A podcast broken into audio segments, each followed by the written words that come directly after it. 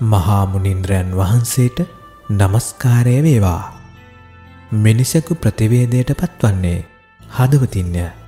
එපැරණි පොත්පත් කටුසටහන් ඔබේ හදවත මරා දමන්නේ මහා දැනුම් සම්භාරයක් අවිය කොටගෙනය. ඔබේ විමුක්තිය උදුරාගත්. ඒ ලිය කියවිලි පාගා දමන කල විමුක්තිය දෙසන පනතිමි නිසා ඔබට මුණ ගැසිනු ඇත. එවිට ඔබ ඔබේ හදවතට සමීප වන්නට පටන් ගනු ඇත. අදත් හැම කෙනෙක්ම බලාපොරොත්තු වන්නේ මොහොතින් මොහොත පියවරෙන් පියවර තමුන් තුළ පවතින මමත්වය මම මගේ කියන දැඩි හැඟීම දුරුකරවලා නැතිකරවලා පියවරෙන් පියවර නිර්වාණ ස්වර්ණ දවාරයට ළඟාවීමටයි. හැම කෙනෙක්ම ඇවිල්ලා වාඩි වෙල සූදානම් වන්නේ එ නිවන ඒ නිවනේ තියෙන රසය ඒ නිවන්නේ පවතින සොඳුරු බව හා ඒ නිවන තුළ පවතින්නා වූ එකම මිහිරියාව පිළිබඳව සොයන්නයි අහන්නයි සාකච්ඡා කරන්නයි ගවේශණය කරන්නයි හා අවබෝධ කරගන්නයි. එක තමයි බලාපොරොත්තුව. ලෝකෙට ඉතාම කලාතුරකින් තමයි ඒ නිවන් සුවය පහළවන්නේ. ලෝකෙට ඉතාම කලාතුරකින් තමයි ඒ සද්ධර්මය පහළවන්නේ. මිනිස්සු ඒ සද්ධර්මය නැති කාලෙදී සද්ධර්මය කියලා හිතලා වෙනත් මිත්‍යා විශ්වාස මිත්‍යා දෘෂ්ටි මිත්‍යා ඇදහිලි හා මිත්‍යා සීල පසුපස ගමන් කරනවා. දෙවුන්ගේ සසරයි. ඇත්තටම ලෝකයේ ධර්මය කියන්නේ පර්යාප්තියවත් ප්‍රතිපත්තියත් නෙමෙයි ධර්මය කියන්නේ ප්‍රතිවේදය. ලෝකෙ ප්‍රතිවේදය පවතින්නේ ප්‍රතිවේදයට පත්වෙච්ච ආර්යන් වහන්සේලා ජියවමානව සිටින තාක් පමණයි. ඒක ලෝකෙ හැමදාම තියෙන එකක් නෙමේ. එක ලෝකෙ කාලෙකට සිදුවෙන දෙයක්. අපි දකිනවා තල් ගස්වල මල් හැබැයි තල්ගහක මලක් පිපෙන්නේ එක්කම එක දවසයි.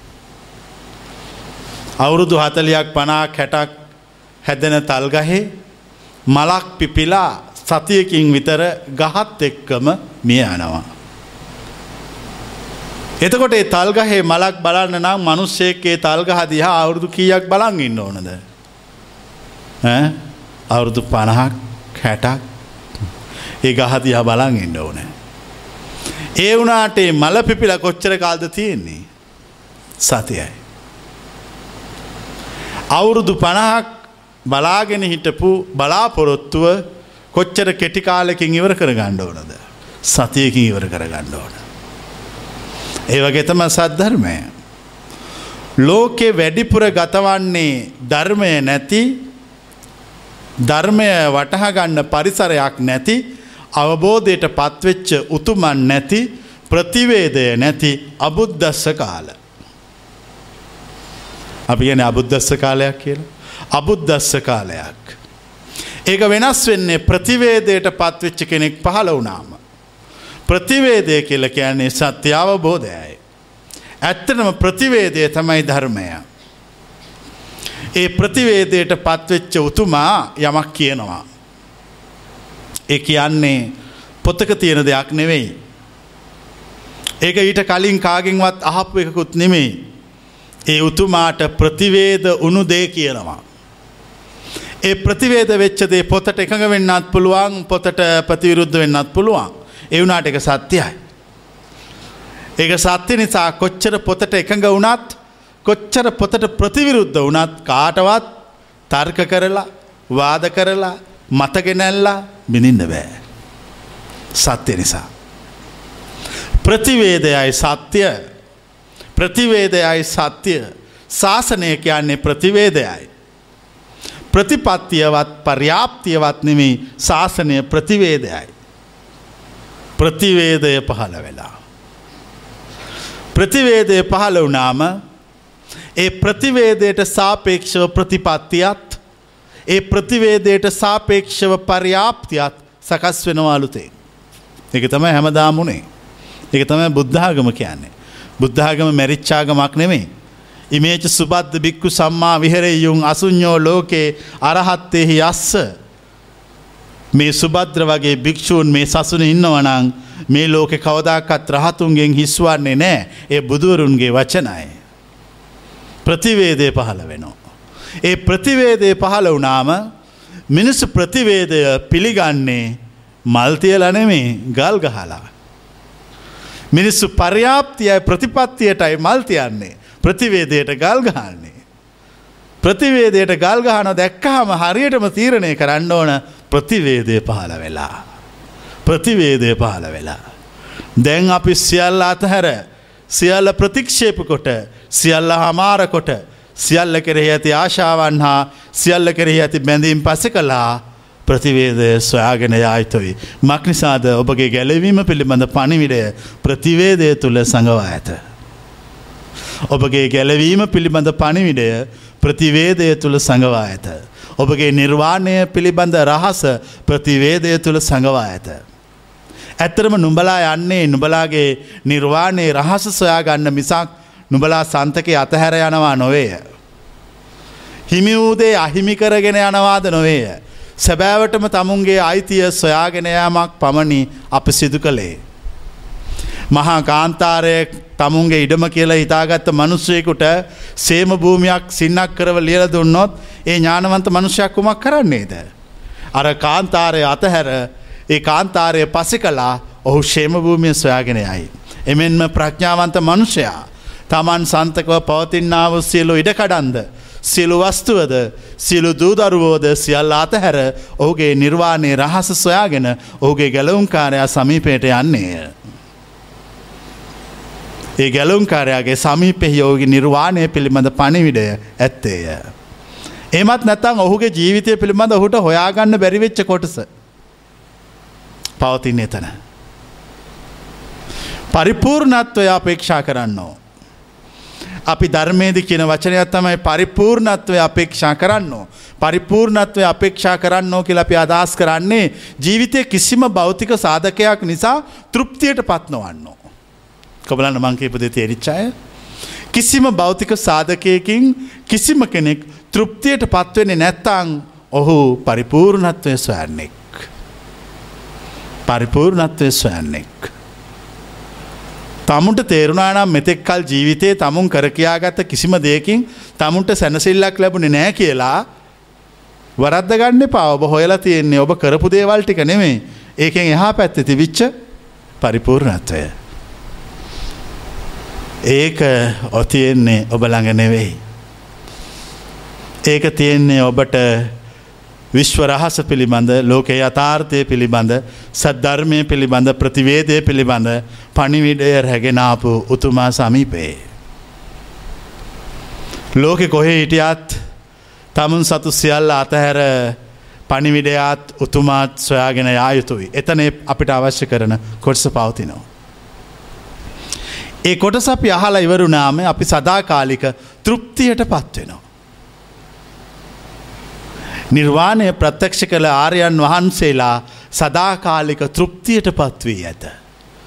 සදාකාලික තෘප්තියට පත්වී ඇත. නිර්වාණය ප්‍රත්‍යක්ෂ නොකළ ලෞකික මිනිස්සු අසහනකාරී ජීවිතවල කොටස්කරුවන් වී ඇත. දෙම්මට අතුස්සල කියන්න අසානකාරී ජීවිතවල කොටස්කරුවන් වෙච්ච මිනිස්සු. මේ හැමෝම අසානකාරී ජීවිතවල කොටස්කාරයෝ. එතකට අපි කියනවා ජීවිතයේ අසහනකාරී ජීවිතවල කොටස්කාරව වෙලා තියෙන්නේ නිර්වාණ දහතුව ප්‍රත්‍යක්ෂ නොකළ නිසා. දැන් කෙනෙක් ඒ අහලා එය කල්පනා කරනවා මෙහෙම. මම අසහනකාරී ජීවිතයක කොටස්කාරයෙක්. මම දැන් සත්‍යසයන්න පටන් ගණ්ඩ ඕන. සත්‍යස්වලිවරුනාම මගේ ජීවිතය ආත්මය පරිපූර්ණ වෙලා මේ සසරදුක නිවිලා නිර්වාණ ධාතුව ස්පර්ශ වෙලා මේක මේ භවයෙන් අවසම් වෙනවා. මං ඒක පටන් ගන්න ඕන. ඒක නිකං පටන් ගන්න බැහැ. ඒක බනහල පටන් ගන්නත් බැහැ. ඒක කතන්දර හල පටන් ගන්නත් බැහැ ආර්ය විනය ශ්‍රවණය කරන්න ඕන. බුදුවරු ලෝකයට ඇවිල්ල කියන අමිහිරි වූත් එහෙත් ප්‍රනීත වූත්. කටුක වූත් එහෙත් රමණීය වූත්. ඒ උතුම් බුද්ධ වච්චනය ශ්‍රවණය කරන්න ඕන. ඒක ශ්‍රවණය කරගෙන යනකොට තමුන්ට තේරෙනවා අන්න මේක තුළනම් මම සොයන සදාකාලික සැනසිල්ල තියෙනවා. මේක තුළ මාසොයන අර අතෘප්තිකර භාවයෙන් මට ගැලවෙන්ඩ අවශ්‍ය කන පාරකුත් මට පේනවා. දැන් මේ ඉන සියල්ලෝම ඒ අමාරසය ස්ත්‍රෝණය කළා. ඒ අමුෘතය පානය කළා. අමුෘතය පානය කළා. ඔච්චරය අමුෘත පානය. අපි දේව කතාව ලහලා තියනෝ මහා විෂ්ණුන් වහන්සේ සුරාසර යුද්ධ කල්ල ඉවර වෙලා ශීර සාගරයෙන් අමුෘතය අරගෙන දෙවියන්ට විතරක් අමුෘතය දුන්න කියලා. අසුරයන්ට අමෘතපානය සිදු කරන්න අවසර දුන්නේ නෑ කියලා. ආය අප යහල තියනෝ සිව දෙවියෝ පාර්වතී දේවියට හිමාල කඳු වැටියේදී අමෘතපානය ගැන දේශනාව කලා කියලා. මාත් ඔබට අමෘතපානය ගැන කිව්වා. හැබැයි අමෘතය තිත්තයි. බීල ඉවරුණාම අමුෘතයේ රසයි. ඒක පැනිටසකිවොත් වැරදිී. එතකොට අමුෘතය සාපේක්ෂකයි. බීල ඉවරුණාම අමුෘතයේ රසයි. අමුෘතයේ රස මොකක්ද කියලා කවුරුවත් කාටවත් කියන්නේ නෑ.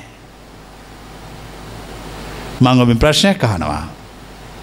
බේබද්දෝ අරක්කු බොන මිනිස්සු අරක්කු බොනකොට මොනවගේද කට. ඇඹුල් වෙලා තියෙන්නේ.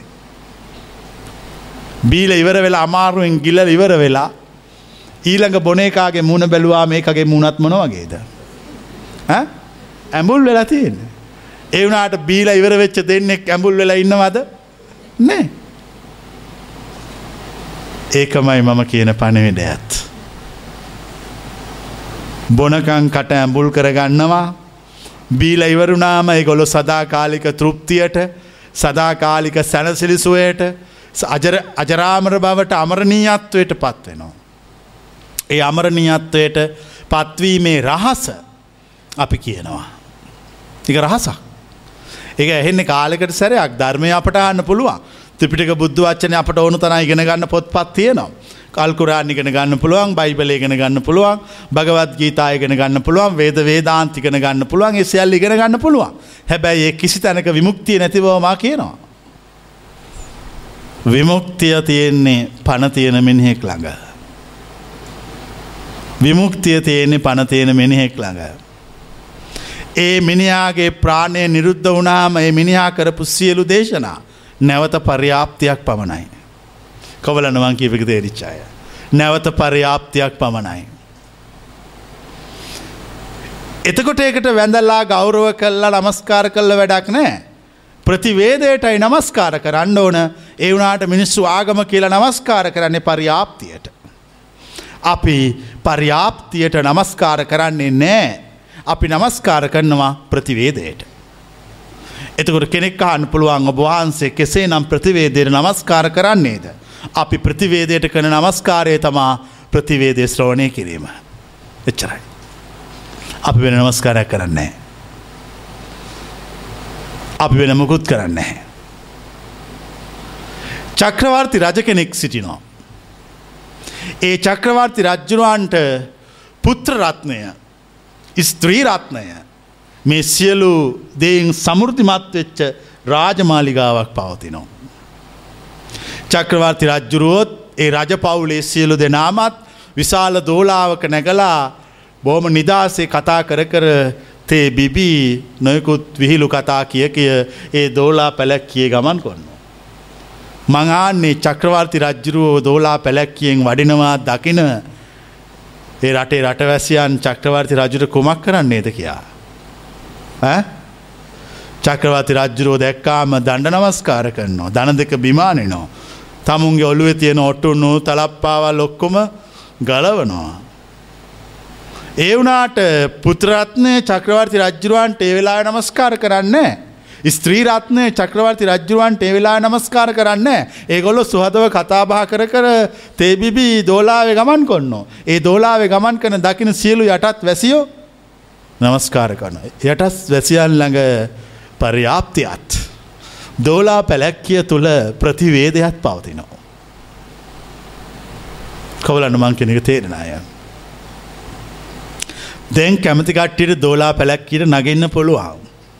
එම නැත්තං එලිය ඉඳලා දන්න නමස්කාර කරන්නත් පුළුවන්.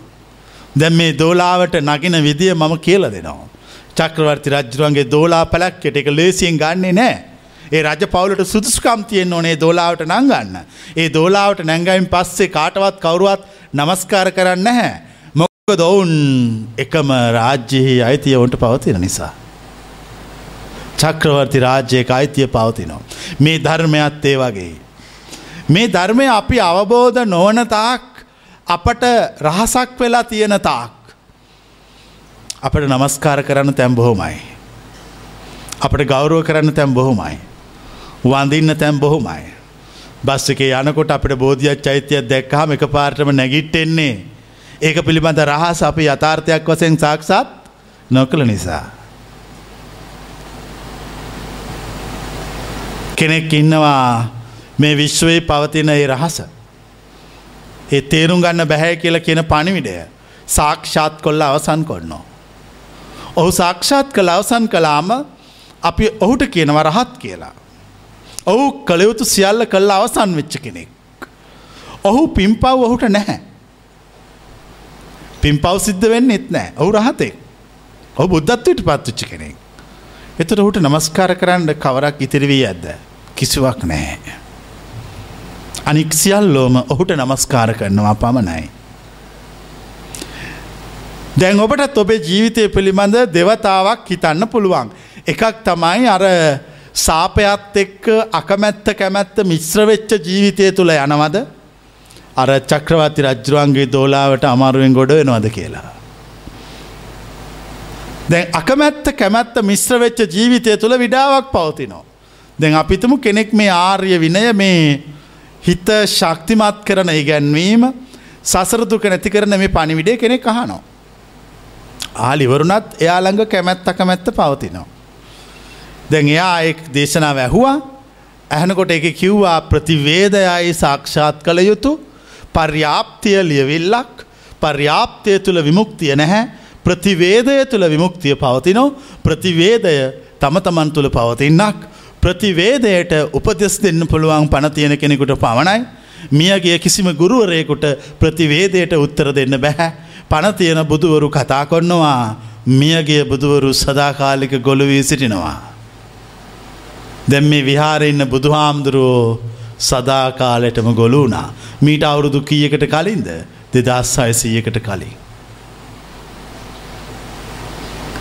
ආය කවදක්කත් උන්වහන්සේ කතා කරන්නේ. උන්වහන්සේ ගොළුවෙච්ච දවසේ උන්වහන්සේ කරපු සීලු දේශනාව කුමක් වුණාද. පර්යාප්තියක් වුණා. ඉගැන්වීමක්. ඉගැන්වීමක්. දැන් නැවතවාරයක් උන්වහන්ස කියපු දේශනාව කෙනෙක් සාක්ෂාත් කොන්නවා. සාක්ෂාත් කල් යොගන්න නොවෙන්න මේකයි ප්‍රතිවේදය. ඒ ප්‍රතිවේදයට මාර්ගය මේකයි. ඒ ප්‍රතිවේදයට යන්න මේමයි. ප්‍රතිවේදය සාක්ෂාත් කළ අවසන් වනාම මේමයි කියලා කියනවා.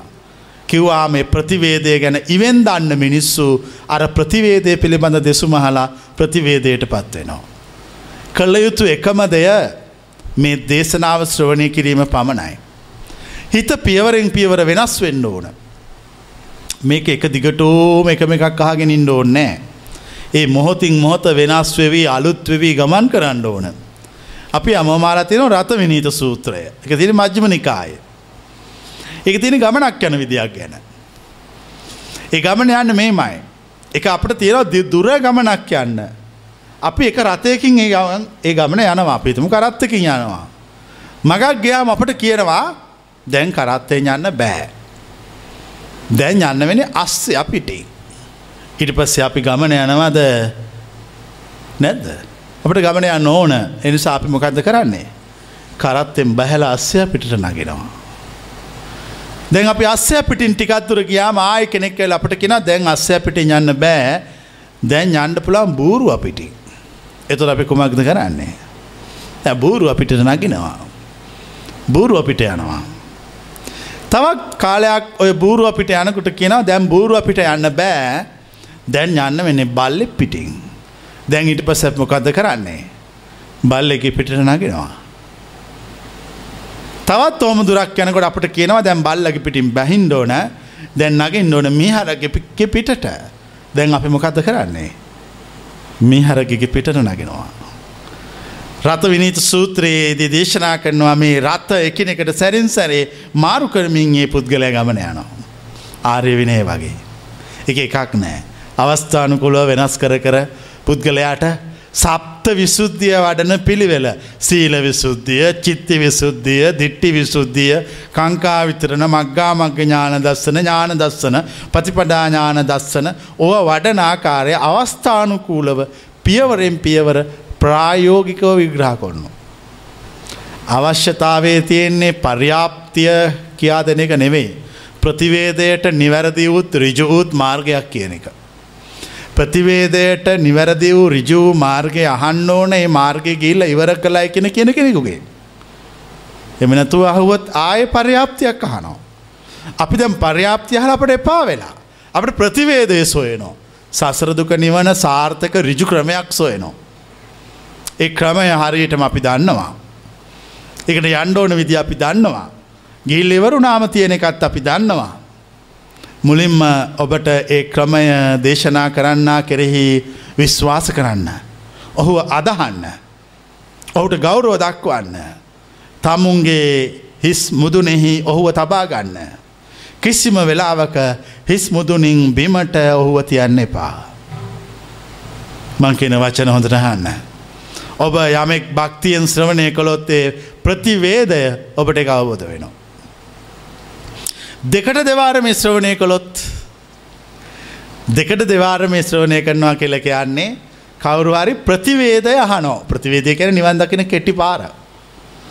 ප්‍රතිවේදය අහලා යාට ප්‍රතිවේදය පිළිගණ්ඩ හිතෙන්නේ නෑ. යට මෙහෙම හිතනවා. මේක ඇත්තත් දන්නේ. මේක ඇත්තද කියලා බලන්න ඕන මම දන්න විෂය කරුණක් එක බද්ධ කල්ලා. ඉට පස් එහු කරන්නේ ඔහු ඉගෙනගත් ආගමේ තියෙන දේවල්ලට ඒක දානෝ. දාල සංසන්ධනය කොන්නවා. සංසන්ධනය කල්ල කියනවා අපේ ආගමේ වට අනුවනං එක හරි. මංහනට ප්‍රතිවේද වෙනවාද කියලා. ප්‍රතිවේදය වෙන්නේ නැහැ. ඔහු ප්‍රතිවේදය පර්යාප්ති කරගත්තා. ප්‍රතිවේදය පර්යාප්තිය කරගත්තා. කොබලන් එක තේරිච්චාය එට හැක ඇමුරුයි. ප්‍රතිවේදය පර්යාප්තිය කරගත්තා. අපි මෙහෙම කියනවා. ඔබට විශ්වාසනං ඔබට අදහන්න පුළුවන්නං ඔබගේ ශීර්ෂ මස්තකයෙහි තබා ගැනීමට සුදුසුනම් සංසන්ධනය නොකරන්න. සංසන්ධනය කරන්නේ මොලයෙන් ප්‍රතිවේදයට පත්වෙන්නේ හදවතින්. හදවතට දීපු බනේ මොලේට දානෝ. හදවතට දීපු බනේ මොලේට දානවා. එතොට අර ප්‍රතිවේදය මොලේක සංසන්ධනය කල්ලා පර්යාප්තියක් හදාගෙන ආය කැතනැතුව අවුරුදු දෙතුන්දාහක් බත්කකා ජීවත් වෙනවා. මං කැන එක වැරදි කියලා. මංඊට වඩා ලේසි ක්‍රමයක් කියනවා. ඒ ක්‍රමය පෙර බුදුවරු කියපු ක්‍රමයමයි. එකම වෙනස ඒක පරණ වචන වෙනුවට අලුත් වචන මම ආදේශ කොන්නවා. මට අලුත් වචන ආදේශ කරන්න අවසර තියෙනවා මක් නිසාද පරම සත්‍ය අවබෝධ කර නිසා. මට අලුත් වචන දාන්න පුළුවන්. ඒ අලුත් වචන දාන්නේ ශබ්දකෝෂයට එකඟව නෙවෙයි ප්‍රතිවේදයට එකඟව. ප්‍රතිවේදය කරපු පුද්ගලයාට ඔහුට තේරිච්ච දැනිච්ච වචන ඒ ශප්ත විසුද්ධියේ තියනේවට දාන්න පුළුවන් දාලා කියන්න පුළුවන් මෙහෙම කළොත් අමාරුවේ වැටෙනවා මෙහෙම කළොත් ලේසියෙන් සසර නිවෙනවා කියලා. අපි ඔබට පහදනවා මේ ආර්ය විනය ඇහුවයින් පස්සෙත් ලෞකික ජීවිතයේ හැඩතල ඉතුරු වෙලා පවතිනවා. කොබල නෙම දැනෙනයි. දැම්මක් මෙන්න මෙම කරන්න දැන්. ලෞකික ජීවිතය හැඩතල ඉතුරලා පවතින ප්‍රධාන පවතින හැඩතලයක් තමයි මානසික අතෘප්තිකර භාවය. සැනසිල්ලක් නැති එක. දැන් ආර්යවිනය ශ්‍රෝණය කළා. ආර්යවිනය කියනවා මානසික අතෘප්තිකර භාවය ඇති වුණාම ඒ මානසික අතෘප්තිකර භාවය තෘප්තිය දක්වා වර්ධනය වීම තමයි ආර්ය විනය කියලා. එකතම ආර්ය විනය. අපි තේබොනවා සීනිත් එක්ක හකුරුත් එක්ක. මම මිනිියෙකුට කතා කල්ලා කියනවා උඹ තේබීපං කරවිලත් එක්ක. කොවලන්න මං කියපු වචන ටික තේරිච්ච එක පැහැදිලි කරන්න ඒ කියපු කතාව. උඹ තේබීපං කරවිලත් එක්ක. එයාට එච්චර කියන්න ඕන දාම එයාට එතිදින් එහා වචනයකත් කියන්න ඔන්න යට ප්‍රඥාව තියෙන. එයාට ඇයි කියපු වචනය ඇති යාට රහත් වෙන්ටම. ඇත්තට මේගොල්ලෝ කලින් සීනිත් එක තේබීල ඒ රස මතක තියාගෙන ඒක තෘප්තියක් තියයි කියලා ඒකට දාලා ඒකත් මත්තක තියාගෙන ඒගොල්ල ඇතරම තේ එකක් බොන්න නැහැ තේකක් බීලා සීනි ටිකක් හරි අකුරු කෑල්ලක් හරි කාලා යන්න ඇර රසයට. කවුලන මං කෙනෙක හරි කියනය. මම්ම දැන් මම කියනවා මේක මාරු කරන්න කියලා. මේකට තේ හා කරවිල යොදාගන්න. දැන් ඔන්න තේ කරවිල එක්ක තේ බොන්න පටන් ගන්නවා. දැන් ඔබගේ සිත යනවා දර කලින් රසයට යනවද නැද්ද යන්න ඇතිය ඇතුස්සන්න. යන්න ඇතිය ඇතුස්සන්න අපට යන්න එක. ඇය ආර්යවිනය සාක්ෂාත් කළ නෑ. ආර්යවිනය සාක්ෂාත් කළහම ඔහුගේ මනසෙහි පැවතුනා වූ සියලු කළු පැල්ලම් විනාස කළේය. ඔහුගේ මනස පූර්ණ ආලෝකයටත් පූර්ණ සත්‍යාවබෝධයටත් සූරයා දෙසටත් ළඟා වූයේය. ඇත්තර මෙයා කරවිලත් එක්ක තේබොන්න පටන්ගන්න කොට යා හිතනවා මේක අමිහිරි ඇති කියලා. ඒ යාගේ කලින් දාගත්ත දත්ත ගොඩ. එක තම ඇගේ ලෞක ජීවිතය. ඊට පස්සේ තේ කරවිලත් එක බනකොට ඇත්තටම අමිහිරි. අපි කියනවා මිහිරි අමිහිරි කියන එක අපි මෙහිදි හදාගත්තු එකක්. සැප දුක කියන එක අපි නිර්මාණය කරගත්තු එකක්. අපට කුඩා කාලි දැන් කරවිල විතරනම් තේ බොන්න තිබුණේ අපට රසය නිර්මාණය වන්නේ කරවිලත් එක්ක. රහත්වෙච්ච උතුමෙ කරවිලත් එක තේබිව්වාමයි සීනිත් එක තේබිව්වාහමයි අවසාන තෘප්තිය එකයි. එයාගේ මනස පිරිසිදුයි. මනස කිසි බැඳීමක් නැහැ. බැඳීමක් නැති මනස ක්ෂණිකව තෘප්තියට පත්වෙනවා. කොබලන එක තේරිච්චය. බැඳීමක් නැති මනස ෂණිකව තෘප්තියට පත්වෙනවා. ඒ තෘප්තියට පත්වෙන්න යොදාගන්න භෞතික කාරණා යට බලපාන්නේ. භෞතික කාරණා තෘප්තියට බලපාන්නේ තවත තව දුරටත් මේ මහපොළොවට කෑදරකං කරන මිනිස්සුන්ට. භෞතික කාරණා තෘප්තියට බලපාන්නේ. තවදුරටත් මේ මහපොළොවට කෑදරකං කරන මිනිස්සුන්ට. මේ මහපොළොවෙන් ඉවත් වෙච්ච. සදා කාලයටම මහපොලෝට ඇති ආශාවෙන් සමුගත්ත ආර්යන් වහන්ස කෙනෙකුට භෞතික කාරණා ආධ්‍යාත්මීය හෝ ලෞකික හෝ තෘප්තියට බලපාන්නේ නෑ. යරහතෙක්. දැඟතකට උන්වහන්සේ කුමක් සමඟ තේබොනවාද. කරවිලත් එක්ක තේබොන්න පටන් ගන්න. තේබීල කරවිලයි තේ රසයි කියලා කියනවා. එතකොට ලෞහික ලෝකේ සීනිත් එක්ක තේබොර මිනිස් උන්වහන්සට කුමක් කියනවාද. පිස්සු කියනවා. උන්වහන්සේ සසරදුක අවසන් කොට නිර්වාණ ධාතුව ස්පර්ශ කොට සියලු සාපේක්ෂක භෞතික සාපේක්ෂක ඉවත් කොට නිරපේක්ෂක වූ නිර්වාණ ධාතුව ස්පර්ශ කල්ලා අවබෝධ කල්ලා සාක්ෂාත් කල්ලා අවසන්. එහෙම එකක් නෑ. දැන් තියෙන ප්‍රශ්නය දැන් ආර්යවිනය ඇහුවා. දැන් අපි මේකේ තියරියක ඇහුවා සිද්ධාන්තය ඇහුවා දැන්. සිද්ධාන්තය හල ඉවරයි. සිද්ධාන්තය හල ඉවරුණාට තාම කරවිලත් එක් අපට තේබොන්න බෑ. එතුර අපි කල්පනා කරන ඇයිහම අපට වෙන්නේ. ඒත් කරවිලත් එක්ක තේබොන්න බැරි ඔබට තාම සසර පුරුදු තියෙනවා. කුමක්ද තියෙන්නේ සසර පුරුදු තියෙනවා. නැත්තම් මම අහන්නේ දැන් මෙච්චර උතුම් මෙච්චර වටින ධර්මයක් අහුවාම අහනක්ෂණෙහි අවබෝධ වෙන්න ඕන. අහනක්ෂණෙහි අවබෝධ වෙන්න ඇත්තේ සසරට ඇලිලා ඉන්න මිනිස්සුන්ට. අහනක්ෂණෙහි අවබෝධ නූවාය කියා නාහයින්නේ නෑ නැවත නැවත අහනවා. නැවත නැවත අහන්න පටන් ගත්තා මේගොල්ලන්ට කල්පනා වෙනවා දැන් අපි මේක නැවත නැවත අහන්න පටන් ගත්තා. නැවත නැවත අහන්න පටන් ගත්තාම අපට තේරෙනවා අර සසර පුරුද්දට අපි ළඟ තියෙන ඇබ්බැහිවීම් ටික ටික දුර්වල වෙන බව. කිසිම රහතෙකුට ඇබ්බැහි වෙච්ච සසර පුරුදු නැහැ. බුදුවරුන්ට සසර පුරුදු නැහැ. බුදුවරුන්ට සසර පුරුදු නැහැ. ඇබ්බැහිවීම් නෑ. මං කිපක තේරුණාද ඇබ්බැහිවීම් නෑ අපි සසර පුරුදු කියන වචන එතනින් අයින් කරමු ඇබ්බැහිවීම් නෑ. ඇබ්බැහිවීම් පවතින්නේ ලෞකික ලෝකඉන්න මිනිස්සුන්ට. ඇබ්බැහිවීමක් බුදුවරුන්ට රහතුන්ට නෑ. එගොල එවැන් ඉවත් වෙලා.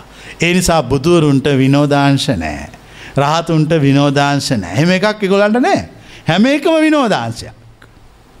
දැවගලට තියෙන ප්‍රශ්නය ජීවිතය හැම එකක්ම විනෝදාංශයක් කරගන්න බැරි වෙලා තියෙනවා. කොබලනය වෙච්චයි. නිකන් කල්පනා කරල බලන්න මුළු ජීවිතය කන්න පැවිසි අතරම කන්න සියලුම දේවල් විනෝදාංශයක් වුණු ජීවිතය මොන වගේ ඇද. ඇ උපරිමුත්‍ර එක තම රහත් බව කිය එච්චරයි ඉට වඩා එකක් නෑ. ඉති එතෙන්ට එන්න ඕන. එතෙන්ට මෙයා ජීවිතය උපරිම තෘප්තිය විඳිනවා. ඉතින් ජීවිතය උපරිම තෘප්තිය විදින කෙනාට ඒ උපරිම තෘප්තිය විදින මොහොතෙදී අතීතයක් තියෙනවාද නෑ. ජීවිතය උපරිම තෘප්තිය විදින කෙනාට උපරිම සතුරට පත් වෙලා ඉන්න මොහොතෙදී අනාගතයක් තියෙනවාද නෑ. ඉති මොකක්දේ එත රහත් බව.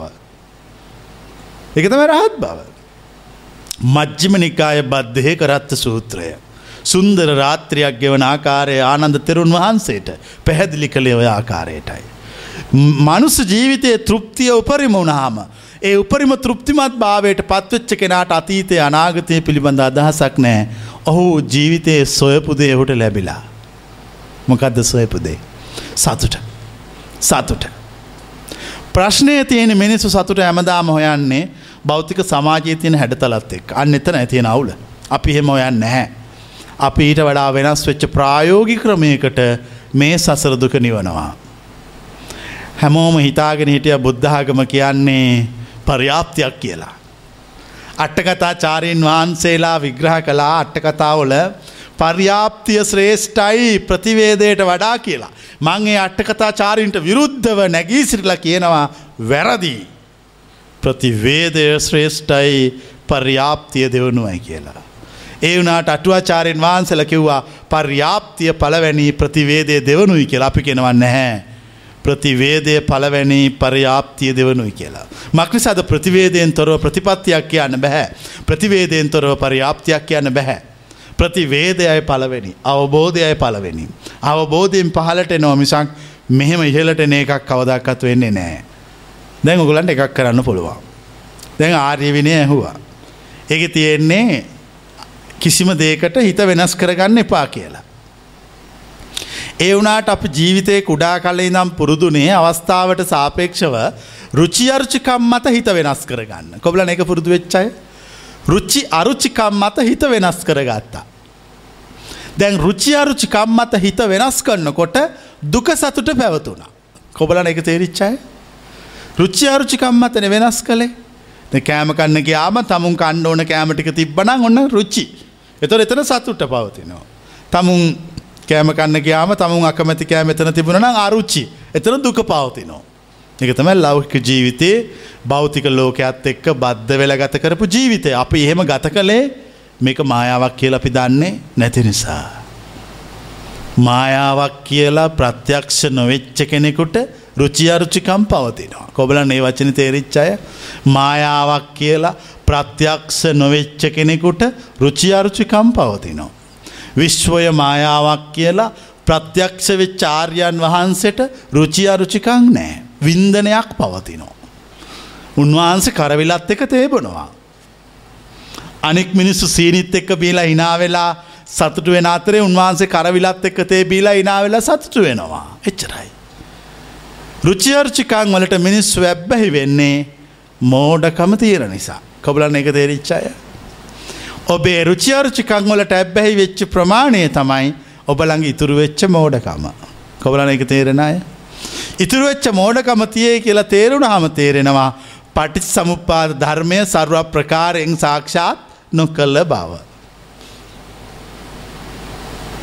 දැයිති ඔච්චරනි ධර්ම විට වඩා ධර්මයක් කාටවත් කොතනවල් කියන්න බැහැ. ඔච්චරයි ධර්මය ඉවරයි. තමුන්ගේ මෝඩකම තේරුම් ගත්තා. මෝඩකම තියෙන බවට සාක්ෂිය තමයි මොහොතින් මොහොත හිත පෙරලීම. කොබලන එක වෙන අය. මොහොතින් මොහොත හිත පෙරලීම. එතකොට කල්පනා කරනවා මොහොතින් මොහොත පෙරලෙන්නේ මේක තියල තියෙන නිසා. මොකක්ද මන්තියන් ඉන්න හිත. හිත මන්තියන් ඉන්න නිසා මෙහෙම පෙරලෙනවා. දැන් මට අවශ්‍යයි මගේ හිත පෙරලෙන් නැති තත්ත්වයට පත් කරන්න. මම අයිස්කුට්ටියක් මෙතෙන්ට ගේනවා. අයිස්කුට්ටිය මම අත උඩ තියාගෙන ඉන්නකොට අයිස්කුට්ටිය පෙරලෙනවාද නැද්ද. මෙම හොල්ලනකොට පෙරලෙනවා. ඉට පස්සිමං අයිස්කුට්ටිය වතුර කල්ලා ඒ අතර දාලා හොල්ල නොදැන් පෙරලෙනවද නැද්ද සදහටම පෙරලිල්ල ඉවරයි. දැම් මේක පෙරලෙන්නේ මල්ලඟ හිත තියෙන නිසා කවුලන එක තේරෙන අය. එතකුට කල්පනා කරනවා කවුද මේ හිත හැදුවේ මම්මයි හදාගත්තේ. මම හදාගත්තේ බාහිර පරිසරයෙන් දීපු සංඥා නිසා. සංඥා අරගෙන එකට සාපේක්ෂව මේ ගුලිය අදා ගත්තා. දැන් මේ ගුලිය අවස්ථාන සාපේක්ෂව එක එක පැත්තට මේක පෙරලෙනවා. මේක පෙරලෙනවා විතරක් නෙමෙයි මේක මට පෙරලි පෙරලි රිද්දවනවා. කොබලන එක තේරෙන අය. මේ රිදිල්ල හදාගත්තේ කවුද? මේ තුවාලය හදාගත්තේ කවුද? හැම කෙනෙක්ම හිත නැමැති තුවාලයක් හදාගෙන. තුවාලෙට දැම් පනුව දාලා. දැම් මේ තුවාලෙ ගත ගහනවා. මේ තුවාලෙන් හැරව ගලනවා. දැම් මේකට වග කියන්නත් ඕන කවුද. ඒ හදාගත්තෙක් කෙන. හිත කියලා තුවාලයක් හදාගෙන. ඒ තුවාලෙ පනුවදානවා. ඒ තුවාලෙ හැරව ගලනවා. ඒ තුවාලෙ වේදනා දෙනවා. ඒ තුවාලෙ වේදනා දෙන්නේ භෞතික ලෝකෙත් එක වැදිච්චකමා. භෞතික ලෝකෙත් එක්ක වැදිච්ච ගමන් ඒ අරමුණ තමුන් කැමති නැති එකක් නම් වේදනා දෙනවා. ඊට පස්සේ මෙහාට වෙලා වෙන එකක වැදුනාම සතුට දීලා නැවත වේදනා දෙනවා. දැන් මම මේකට සදාකාලික ක්‍රමයක් කියනවා. මේ හදපු හිත කියන එක අපි විසුරුවමු. හිත කියන එක සදාකාලික වේලලාරිමෝ වියලලා දාමු. සිත කියන එක වියලල ඇරියාම එතකොට මේ ලෞකික ලෝකයේ දත්තවලට වටිනකන් දෙන්න තිබිච්ච එකම එක්කෙන මොකක් කරාද. නැති කරා. ලෞකික ලෝකයේ දත්ත අවශ්‍යසනය කළේ සිත ඔස්සේ. ඒ දේවල්ලොට වටිනකන් දුන්නේ හිත. ඒ දේවල් ඒ හැඩතල අවශ්‍යසනය කළේ හිත. හිත තමයි අපට කිවේ මෙහෙම කරන්න මෙහෙම කරන්න මේක මෙච්චර වටිනවා මේක මෙච්චර ලාබයි කියලා. ඒ හිත අපිත් එක්ක ඉන්න අන්තිම වෙලා වෙනකං අපට දැනුනේ මහාසානයක්. කුඩා දරුවෙකුට භෞතික පරිසරයේ දේවල්වල වටිනකම සියයට සියක් අඳුනගන්න බැහැ. ඔහු දන්න හැ. ඔහුට හැමදේම එක වගේ. එනිසා ඔහුලඟ ඕන තරම් මොකද තියෙන්නේ? සතුට තියෙනවා. ඔහුලඟ ඕන තරම් සතුට තියෙනවා. ඔහු දත්ත විශ්ලේෂණය කළ සාපේක්ෂික වශයෙන් බැඳිලා නැති නිසා. ඔගොල්ලෝ සාපේක්ෂික වශයෙන් බැඳිලා ඉන්නේ. එනිසා ඔගොල්ලන්ගේ සතුට නෑ. සතුට අතුරු දහන් වෙලා. තමුන්ගේ සතුට අතුරුදාන් කළේ තමුන් සකස් කරගත් සිතයි. දැන් අපි මෙහැමෝටම සිතක් පවතින. කොබලනු සිතක් පවතින අය. තමුට තේරුණු සිතක් තියෙන බව. ඒ තේරෙන්නේ තමුන්ගේ සිත රුචියාරුචිකං වලට වැටෙනකොට කොබලන එක තේරෙන අය. දැන් මට හිත නොමීම මේක තියෙන නිසා තමයි මේ වේදනාව. මේක තියෙන නිසා තමයි මේ සියලු ප්‍රශ්න. මං කොහොමහරි මගේ මරණයට කලින් මෙ සිතින් ගැලවෙන්ඩ ඕන. මෙ සිතෙන් නිදහස් වෙන්ඩ ඕන. මෙ සිතෙන් සමුගණ්ඩ ඕන. භවයකට නෙමේ සදාකාලයටම. ඔබට සිත නැත්තං ඔබ රහතෙක්. ඔබට සිතක් නැත්තං ඔබට විඳවන්න කරුණක් නැහැ. ඔබට සිතක් නැත්තං ඔබට කම්පාවෙන්න හේතුවක් නැහැ. ඔබට සිතක් නැත්තං ඔබට ලෞකික තෘප්තියකුත් නැහැ. සිතක් තියෙන කෙනෙකුට විස්තරයි ලෞකික තෘප්තිය පවතින්නේ. ආර්යන් වහන්සෙකුට පවතින්නේ නිරාමිස තෘප්තියක්. නිරාමිස තෘප්තියක්. නිරාමිස තෘප්තිය දෙකට බෙදන්න බෑ. කොබල එක තේරිච්චාය. නිරාමිස තෘප්තිය දෙකට බෙදන්න බෑ. සීනියක්කතේ බිව්වත් කරවිලෙක්කතේ බිව්වත් ආර්යන් වහන්සගේ තෘප්තිය නිරාමිසයි. ඒ නිසා ඒක දෙකට බෙදන්න බැහැ. හැබැයි ලෞකික තෘප්තිය දෙකට බෙදන්න පුළුවන්. එනිසා එක විඳවිල්ලක්. දැම් මට කියන්න. ජීවිතේ විඳින හැම තැනකම එහා පැත්තේ තියෙන්නේ මොකද්ද කියලා. විඳවිල්ලක්. විඳවිල්ලක්.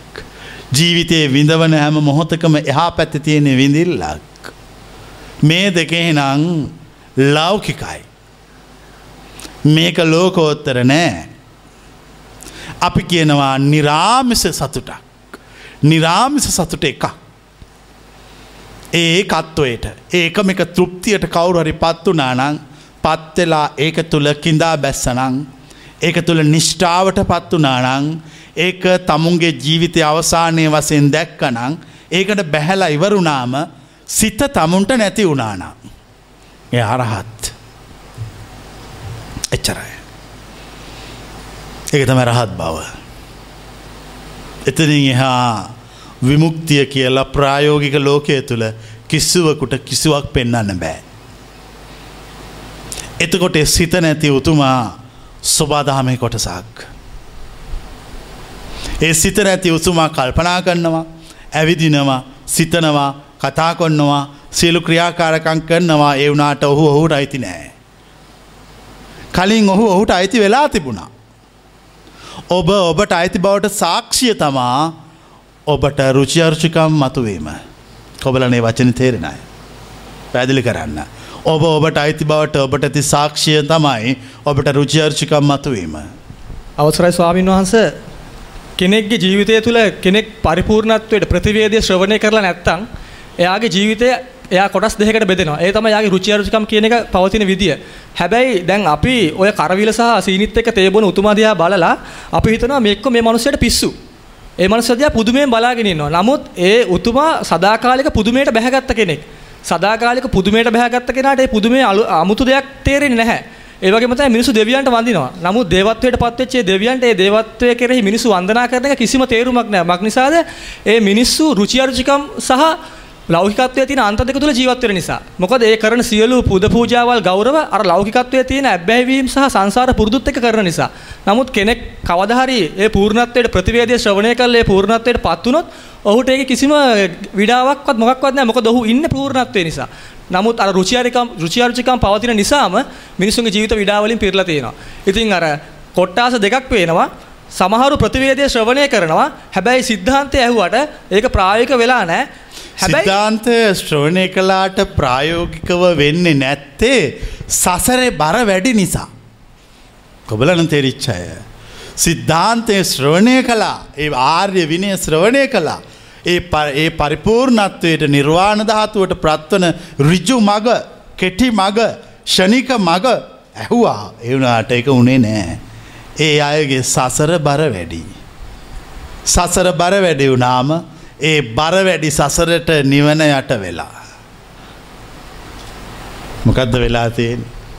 ඒ බර වැඩි සසරට නිවන යට වෙලා. එක කියන්න ආයිපාරම එකට තේරේ ඒක හරියට මේ වගේ ඒ කියන්නේ දැන් මේ කරවිල එකයි සී මේ තේකයි ගත්තට පස්සේ ගොඩක් දේවල් කල්පනා කරනවා. මේක බොනවද නැද්ද මේක චිත්තයිද මේක වැඩක් වේද බීලා අන්න ඒ වගේ ගොඩක් දේවල් කල්පනා කරන නිසා කොච්චර සිද්ධාන්තය ඇව්වත් අර Tamanට ජීවිතයේ එදිනදා ලැබෙන ප්‍රායෝගික දේවල් Taman පරීක්ෂාවට ගන්නෙ නැහැ.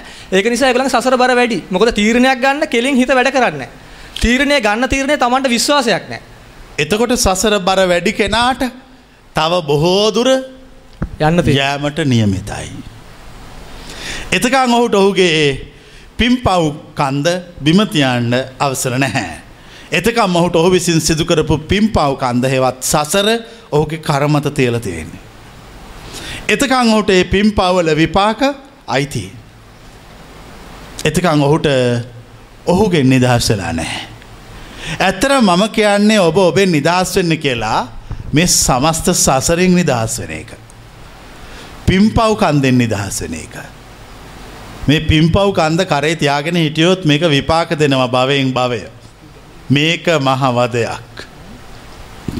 මිකින් ගැලවුණුත් ඉවරයි. මේකින් ගැලවුණුත් ඒකොළ සදාකාලික තෘප්තියට පත්වෙනවා එකකොළ රහතුන්. නමුත් ගැලවෙන විදි අපි දැන් කියනවා. අපි කියනව කරන්න ඕන මේකයි දැන් කරන්න ඕන මේකයි මෙහෙම ඉන්න මේ දියෙක්වල් කරන්න. මේකයි ප්‍රායෝගික මාර්ගය. ප්‍රායෝගික මාර්ගයතු මාර්ගය ඇත්තටම නිරපේක්ෂ හිත වැඩීම චරයි. දැ කෙනෙක් අහනවා උන්වහන්සේ දේශනා කරන ප්‍රායෝගික මාර්ගය කුමක්ද. නිරපේක්ෂ හිත වැඩීම.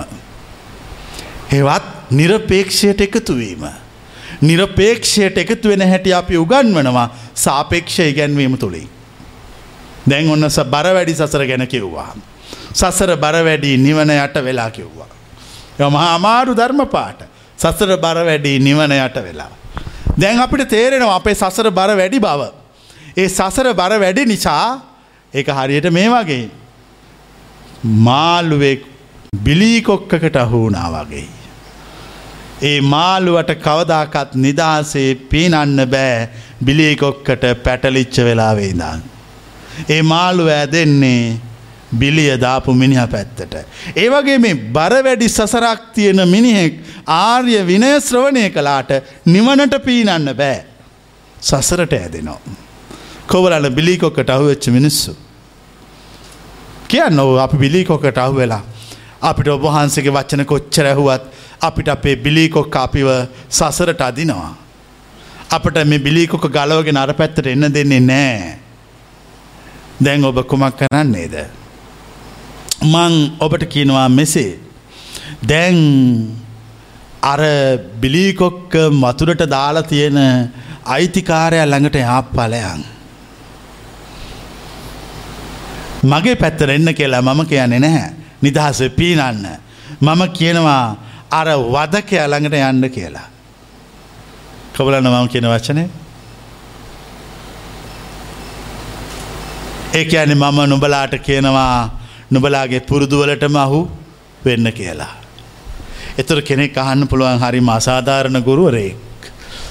මෙච්චර වෙලා ආර්ය විනය දේශනා කල්ලා ප්‍රායෝක මාර්ගය විස්තර කල්ලා සාපේක්ෂ ලෞකික ලෝකයට තියෙන බැඳීම් ටිකෙන් නිදහස්සලා නිරපේක්ෂ නිර්වාණ ධාතුවට පත්වන විදිිය කියලි වෙල්ලා එතෙන්ට පීනන්න හදනකොට කියනවා වද කියළඟට පල කියලා ඒක තමයි ඒක. ඒක තමයි ඒක. එයා දැන් අර බිලිකොක්ක පැත්තට අහුවෙල ගමන් කොන්නෝ. එයා දන්නවා මේ බිලිකොක්ක කෑවෙ කාගේ මෝඩකමටද මගේ මෝඩකමට. මගේ මෝඩකමට අල්ලපු ගෙදර මනුස්සයාට වන්දිගෙවල වැඩක් නැහැ. මම්ම මේ පව්ගෙවන්ඩ ඕන. ඒ නිසා මේ බිලිකොක්කේ නිසා ඇතිවෙන වේදනාව මම විඳින්ඩ ඕන. මං මේකෙන් නිදහස් වෙලා අර පැත්තට පීනුවොත් මං සදාකාලිකෝම නිදහස් වෙනවා. නිර්වාණ ධාතුස්ට බෑල ඉවර වෙනවා.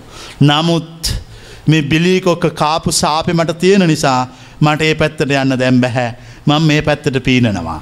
මම යන්නේ වදකයා දෙසට. දැන් මම වදකයා දෙසට යන අතර මම මා විසින් මට සිදුකරගත්ත අසාධාරණයක්. මගේ මෝඩකම මගේ ආත්මය විනාස කරපු ආකාරයක්. මගේ සසර සදාකාලික සාපයට මගේ මෝඩකම විසින් ලක්කරපු ආකාරයත් කල්පනා කර කර වදකයා දෙසට ඇදී ඇදී ගමන් කන්නවා. කොවලන්න එහෙම කරන්න කැමති අය.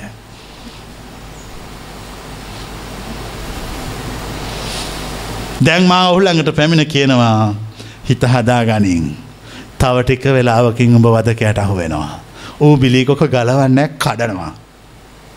මොකත් එක්කද මාළු වගේ යටියන් දත් එක්ක.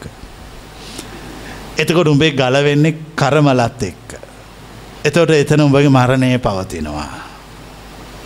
උඹ මැරෙන්නේ උබේ මෝඩකම නිසා. උඹට මම කිව්වා බිලීකොක කන්න එපා කියලා. ඒවනට උඹේ පුරුද්ධ උඹට බිලීකොක කැවේවවා. උඹේ කෑදනකම උඹට බිලිකොක්ක කැවෙව්වා. උඹේ කෑමෝලට ඇති ආශාව උඹ වපා ගත කලා. උඹට මේ ඇසිංගත් අරමුණු තදින් අල්ලාගෙන සිටි නිසා උඹට නිදහස හම්බ උනේ නැහැ. ඇයි නිදා සම්බු නැත්තේ ඇසිංගත් අරමුණු තදින් අල්ලපු නිසා උඹ බිලිකොක්කට හෝනා. උඹට නාසයට දැනිච්ච රස උඹට ගැලවෙන්ට බැරි වුණා ඒක උඹට උඹ එකට ආස කලා. හැබැයි එතන මරණය තියෙන බව උඹට අමතක වුණා රාසාව නිසා. එනි සම්වායහු වුණා. දැන් කරන්න දෙයක් නෑ මාලෝ. දැන් යමං වද කියලාඟට. මාත් උමත් එක්කම වද කියලාඟට එනවා. වද කියලාඟට ඇවිල්ලා නුඹලාං ඉඳගෙන නුඹට මල පොත කියනවා. නුඹට ආත්මයෙන් සමුගන්නකම් මං උපදෙස් දෙෙනවා. මතක තියාගන්න. මම ඔබලා සියලු දෙනා ළඟම මලපොත කියමින් වැඩ සිටිනවා. මොකක්ද මලපොත කියමින් වැඩ සිටිනවා කිය. ඒගොලන්ගේ ආත්මයට එතනින් ගැලවෙනකං මේ මනුස්සලෝකෙන් යනකම්ම මං එයා ළඟට වෙලා ඉන්නවා. යන අන්තිම වෙලාව අයින් වෙනවා. කියන්න මගේ කියප. ස්වාමින් වහන්ස ඔබවහන්සේගේ දේශනාව දෙපැත්තරම සාධාරණයි. ඒ දේශනාවහල බිලිකොක කන්නතු යන කෙනෙක්ටත් ඒ මාර්ගයෙන් අවසන් වෙන්න පුළුවන්. ඔය බිලිකොක නොකෑවත යාට එක පහටම පීනන්න අවසර තියෙනවා. එහෙම පීනන්න පුළන් උග්ගටි තඥු පුද්ගලයකුට. උග්ගටි තඥු මිනිස්සුන්ට බුදුවරු වච්චන කීපය කියන්නේ. විපති තඥු තත්ත්වය මිනිස්සුන්ට කලක් අහනෝ. ඥෙය මිනිස්සු කාලයක් වඩනෝ පද පරමය බුදුවරුන්ගේ වච්චන ලොරි ගානක් ඇහුවත්. එල් ලොරියකට යට වෙනවා මිසාක් අවබෝධ කරන්නේ නෑ. පද පරමයන්ට බුදුවරු බණ කියන්නේ නෑ. ඇත්තරම එකොළු බණ කියන්නේ සත්‍යය දන්න ප්‍රඥාව තියෙන මිනිස්සුන්ට විතරයි. එක පාර්ටම නිර්වාණයට පීනන්න දහමක් කියනවා. නමුත් නිර්වාණයට පීනන්න කියපු දහ මහලා එච්චර ප්‍රඥාවක් නෑ. ඒ අහලි වෙල බිලිකොක්ක් කනවා දැ මේ ඔක්කොට වෙලා තියෙන එක. ඒකොල දැන් බිලිකොක කාලා ගොලන ගලව ගන්න බෑ. දැන් ඒගොල්ල වදකය පැත්තට ඇදෙනවා. පසර පුරුද්ධට එතර අප ඒගොල්ල ළඟින් ඉඳගෙන කියනවා දැන් කොච්චර රිදෙනවාද ඔය රිදෙන්නේ අර කෑදරකමේ සාපයයි. අර කෑමොලට ආසාාවේ සාපයයි. රූප ශබ්ද ගන්ධ ස්පර්ශ කියන පංචකාමයට ඇලීමේ සාපේ තමයි බොය ගෙවන්නේ. දැන් ඕක හොඳට ගෙවපං. ඒ සාපය බව දැනගනින්. දැනගෙන අපි යාට ළඟ ඉඳං උපදෙස් දෙනවා. දැන් එයා තීරණය කරනවා මට වැරදුනා ජීවිතය. මම නොකෑ යුතු දෙයක් කෑවා. නොකෑ යුතු දෙයක් කාපු නිසා මට කවදාකත් ගැලවෙන බැරි වුණා. ඒ නිසා මගේ ජීවිතය එතනින් ඉවර වුණා. ආයිත් මාළුවෙක් වෙලා ඉපදුනා.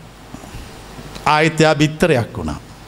පුංචි පැටියෙක් වුණා පුංචි පැටවුන්ට බිලිකොකුත් කණ්ඩ බෑ ලොකු වැඩේ බිලිකොකෝ.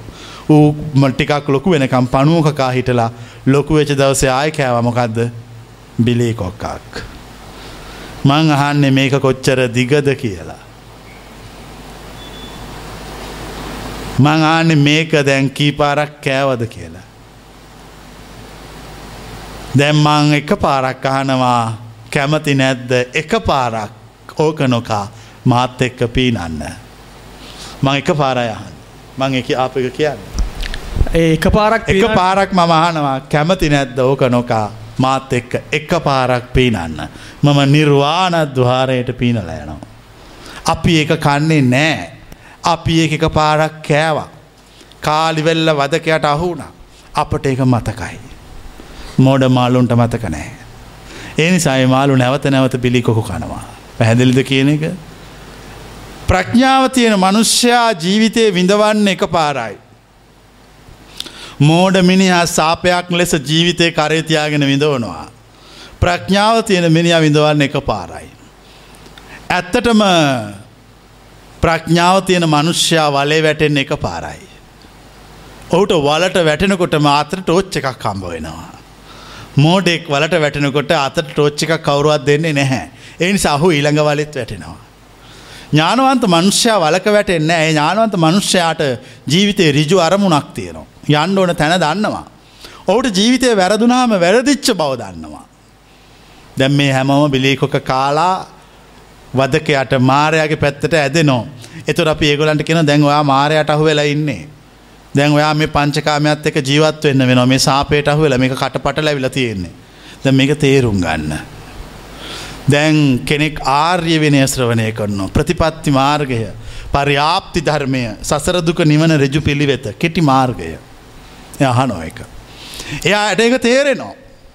එයාට එක තේරුණාට අර පරණ පුරුද්ධට රුචියාර්චිකම් සිතේන්නේ සැරින්සරේ නැගිටිනෝ. රුචි දේවල් තුළ තෘප්තියක් පවතිනෝ. ඇත්තර මිනිස්සු රුචි දේවල් සොයනවා නෙමෙයි රුචි දේවල් හරහා තෘප්තිය සොයනවා. ඒක කියන්න. රුචිදේ හරහා තෘප්තිය සොයනවා. ඇත්තරම කෙනෙක් තමන් නිසා තමන්ට තෘප්තියක් ලැබෙන දෙයක් තියෙනවා. අන්න ඒක තමයි ඒගොල්ලෝ හොයන්නේ. ඒක සොයනවා. ඒ තමුන් නිසා තමුන්ට තෘප්තියක් ලැබෙන දෙයක් තියෙන්නේ තමුන් පිළිබඳ තමුන් සියල්ල නොදන්නා නිසා. තමුන් පිළිබඳ සියල්ල දන්නා තමුන්ට තමුන් නිසා තෘප්තියක් ඇතිවෙන්ඩ බැහැ. තමුන් නිසා තෘප්තියක් ඇතිවෙන්න බැහැ. නිර්වාණය තුළ ඔහුගේ තෘප්තිය දිය කරල හරිනවා. එතකොට ඔහුට සමස්තය තුළ එකම තෘප්තියක් පවතිනවා අපි කියන්නේ ඒකයි. එක තම නිර්වාණය. ඒක අවබෝධයයි. සත්‍යයයි. අන්න එතෙන්ට එන්න ඕන.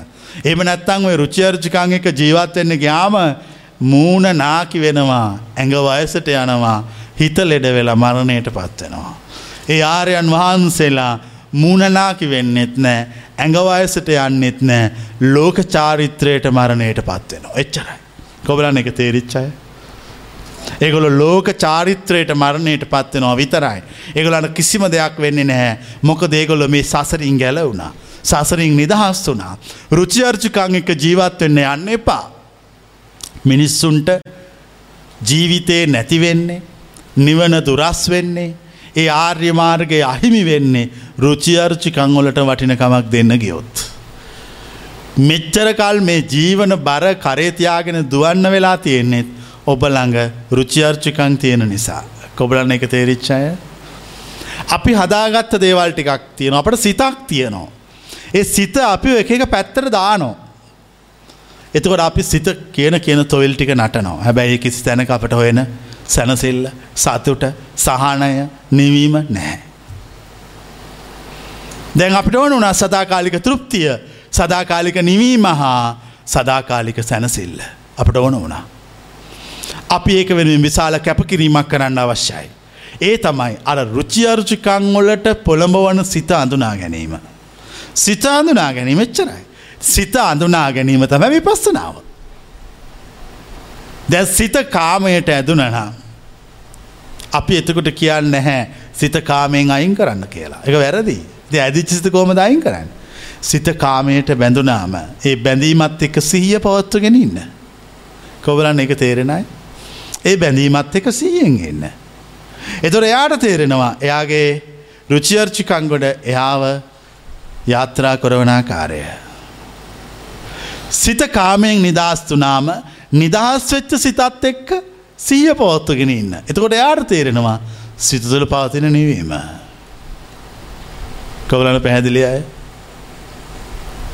සිතර තරහ ආවාම ඒක තුළ සීය පවත්වන්න. එතකොට තේරෙනවා තරහ ක්‍රියාත්මක වෙන ආකාරය. සිතට තරහ නැති වුණාම තරහා නැති සිත තුළ සිහිය පවත්වන්න. එතකොට ඔපට තේරෙනවා තරහා නැති සිත වැඩ කරන විදිය. මේ දෙපැත්තම කවුරුවත් බලන්නේ. ලෞකික ලෝක ජීවත්වන මිනිස්සු කියනවනේ තරහ ගිහාම ඔක්කො මතක වුණා කියලා ඒ කියන්නේ ගොල්ලන්ගේ ජීවිතය කොල්ලොට පෙනිලා තියෙන්නේ දැකලා තියෙන්නේ සම්පූර්ණ ජීවිතය දැකලද භාගයක් දැකලද භාගයක් දැකලා. අපි කියනවා ජීවිතය දකින්න කියලා. කාමය වෛරය සිත තුළ වැඩ කරන විටයි සීය පවත්ව ගන්න ඕන. නිකං ඉන්න දැම් දැන් කොහොමත් සීය පවතිනෝ. මොකද සීය පවත්වන්න අවශ්‍ය කරන බාහිර පරිසරයක් අපි දැන් මෙතන හදල තියෙනවා. ඒක නිවන නෙවෙයි. රණ්ඩු වෙනකොට එකනිකා බැනගන්නකොට එකනිකාගේ කෝපය අවස්සනකොට ඔබළඟ සිහිය තියනම් මම ඔබළඟේ වෙලාවට ඉන්නවා. සිහිය තියෙන කෙනා ළඟ මම ඉන්නවා. එතොර යා සිහියෙන් කටයුතු කොන තොර යාට පේන ඔයාගේ සිත ඇදෙන විදිිය. අර ලෞකික රුචියර්චිකම් මෙයාව පොළඹෝනු විදිිය. ඇත්තටම ඔබට මම කියන වචන හොඳට වැටහිලා හොඳට තේරුණා නං ඔබට තේරේවී ඔබ රූකඩයක් බව. නූල් ටික අහිමි වෙච්ච. ඔවසයිනස් ඒ වචන ඇතුළ වැඩ කරන්න ගත්තම තමයි කෙනෙගේ රුචියරුචිකම් වලට එයා පැද්දෙන පැදිල්ලට තේරෙන්නේ තේරෙන්නේ. එයාට යා ඇතරම රූකඩයක් නූල් ටික හමි වෙච්ච. නූල් ටික තියෙන්නේ රුචි අර්චිකංගොල එල්ලලා. එයා කැමති දේවල් වල තමයාගේ නූල් එල්ලලතිය. එතර ඒ කැමති දෙකින් යාව හොලවනවා. එතර මේ මනුෂ්‍යයෙක් මට පේන හරි අවාසනාවන්තයි. මේ රුචර්චිකම් නිසා මේ සසරදුවනෝ. කෙනෙක් මේ රුචර්චිකං අතඇරල දැම්මොත්. අකම්පිත තත්ත්වයට පත් කොළොත් පුට්ටස්ස ලෝක දම්මෙහි චිත්තං යස්සන කම්පති. ආන්නේ එකයි. සියලු රුචියර්චිකංවලින් නිදහස් වනා. රුචියර්චිකංවලින් නිදහස් වෙච්ච උතුමාට සිතක් නෑ. රුචියර්චිකංවලින් නිදහස් වෙච්ච උතුමාව කාටවත් පොළඹවන්න බැහැ. රුචියර්චිකං නිදහස් වෙච්ච උතුමා නූල් කඩාගත් තරූකඩයක්. නූල් කඩාගත් තරූකඩයක්. නූල් කඩාගත් රූකඩයක් නටවන්ඩ සමත් වූ කිසිවෙකු නැහැ. මට කියන්න නූල් කඩාගත්ත රූකඩේ නටවන්න බැරි ඇයි. සියලු භෞතික සීමාවල් අතික්‍රමණය කර ඉවරයි. එයාව කාටවත් නටවන්න ඔගොල නැටවෙන එක එක්කෙනට. ඔගොල්ලො නැටවෙන්නේ ඔගොල්ලන්ගෙම හදාගත්ත පුරුදු ගොඩක් එක්ක. අපි කියන්නේ සියල්ලෙන් නිදහස් වෙන්න කියලා. මේ සියල්ල නිදහස් වෙන්න කියන ප්‍රායෝගික මාර්ගය ඒවත් එක්ක ඉන්න කියන එක. ඒම නැතුවා මේකෙන් නිදහස් වෙන්න බෑ. මේවා සිතෙන් මේවා අයින් කළ නිදහස් වෙන්න බෑ. මෛත්‍රී භාවනාව වැඩුව කියලා ගැඹුරෙහි පවතින දවේශය නැතිවන්නේ නෑ. මතුපිට දේශය නැති වෙලා හිත නිවුනට සිතෙහි ගැඹුරෙහි ගැටීම පවතිනවනා. ඒ ගැටීම තියෙන හැම තැනකම දවේශය පවතිනවා. ගැටීම තියෙන හැම තැනකම දවේශය පවතිනවා. ඒනම් මේ ගැටීමෙහි ගැඹුරත්ම ඉවත් කරන්න නං විපස්සනාවෙන් කළ යුතු. විපස්සනාව කියන්නේ සිහිනුවනින් දැක තේරුම් අරගෙන ජීවත්වීම. ඒ දේ දේශනාව ශ්‍රවණය කිරීම. නිරපේක්ෂ ධර්මය ඇසීම. එ නිරපේක්ෂ ධර්මය ශ්‍රවණය කල්ලා මම කියන්නේ නෑ නිරපේක්ෂ ලෝකයක ජීවත් වෙන්න කියලා. නිරපේක්ෂ ධර්මය ස්ත්‍රවණය කල්ලා සාපේක්ෂ ලෝකයක ජීවත් වෙන්න. සාපේක්ෂ ලෝකයේ ජීවත්වනකොට ඔබට තේරේ විනැට වෙන විදිිය. හා එකිනෙකා ඔබව නටවන්න දරණ වෑයොම. කොබලන එක තේරෙනය. සමාජය මිනිස්සු ඔබෝ නටවන්න දඟලනෝ. සමානු රෝබෝ වර්ණනා කරන්නෝ. ඔබ යමක් කරගන්න අවශ්‍ය වනාම. ඔබවට අකමැත්තත් තියෙන සමහර ඔබ ප්‍රතික්ෂේප කොන්නෝ. ඒ දෙකම ඔබව නටවනෝ.